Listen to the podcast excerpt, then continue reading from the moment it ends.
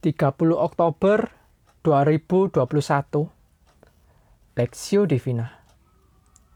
Ibrani 11 ayat 23 sampai 28 Karena iman maka Musa setelah ia lahir disembunyikan selama tiga bulan oleh orang tuanya. Karena mereka melihat bahwa anak ini, anak itu elok rupanya dan mereka tidak takut akan perintah raja. Karena iman, maka Musa setelah dewasa menolak disebut anak putri Firaun. Karena ia lebih suka menderita sengsara dengan umat Allah daripada untuk sementara menikmati kesenangan dari dosa. Ia menganggap penghinaan karena Kristus sebagai kekayaan yang lebih besar daripada semua harta Mesir. Sebab pandangannya ia arahkan kepada upah. Karena iman, maka ia telah meninggalkan Mesir dengan tidak takut akan murka raja. Ia bertahan sama seperti ia melihat apa yang tidak kelihatan. Karena iman, maka ia mengadakan Paskah dan pemercikan darah, supaya pembinasa anak-anak sulung jangan menyentuh mereka.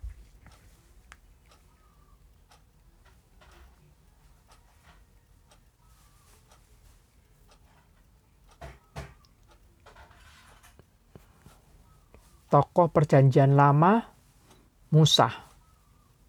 Perspektif. Karena iman, maka Musa setelah dewasa menolak disebut anak putri Firaun. Ibrani 11 ayat 24. Kesuksesan, kenyamanan hidup, kekayaan, dan jabatan adalah hal-hal yang dikejar oleh banyak orang sampai hari ini. Sangatlah wajar jika kita lebih menyukai kesuksesan daripada penderitaan dan hal itu sesungguhnya bukanlah dosa. Namun, hal ini menjadi masalah ketika kesuksesan tersebut bertentangan dengan nilai-nilai kebenaran atau tidak sesuai dengan kehendak Tuhan. Kehidupan Musa sesungguhnya juga dikelilingi kesuksesan sejak ia diangkat menjadi anak putri Firaun. Namun karena iman, ia ingat akan identitas aslinya dan memutuskan untuk meninggalkan kenyamanan serta kekayaan Mesir untuk menderita bersama bangsanya. Musa menunjukkan tindakan imannya bukan hanya dengan meninggalkan statusnya di Mesir, tetapi ia juga melakukan panggilan Tuhan untuk memimpin bangsa Israel keluar dari Mesir. Dalam sepanjang proses pembebasan bangsa Israel, dari penjajahan Mesir hingga perjalanan bangsa Israel keluar dari Mesir menuju tanah Kanaan, kita juga bisa melihat tindakan-tindakan iman Musa. Dalam perjalanan hidup kita, haruslah kita akui bahwa Seringkali yang menjadi penghalang untuk menghidupi iman kita adalah kenyamanan yang sudah kita miliki. Ketika kesuksesan atau kenyamanan tersebut bertentangan dengan nilai-nilai kebenaran, sulit bagi kita untuk memilih melepaskannya dan menderita dalam iman. Namun demikian, Tuhan mengendaki kita untuk senantiasa hidup dalam kebenaran, meskipun sulit.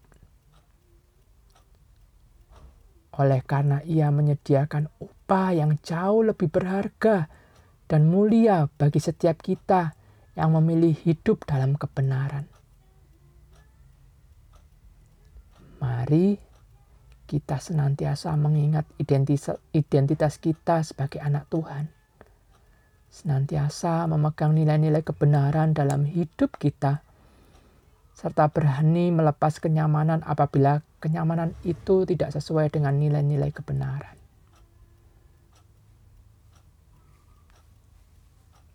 Studi pribadi, apakah selama ini kita lebih mementingkan kesuksesan atau kenyamanan di atas segalanya? Termasuk kehendak Tuhan.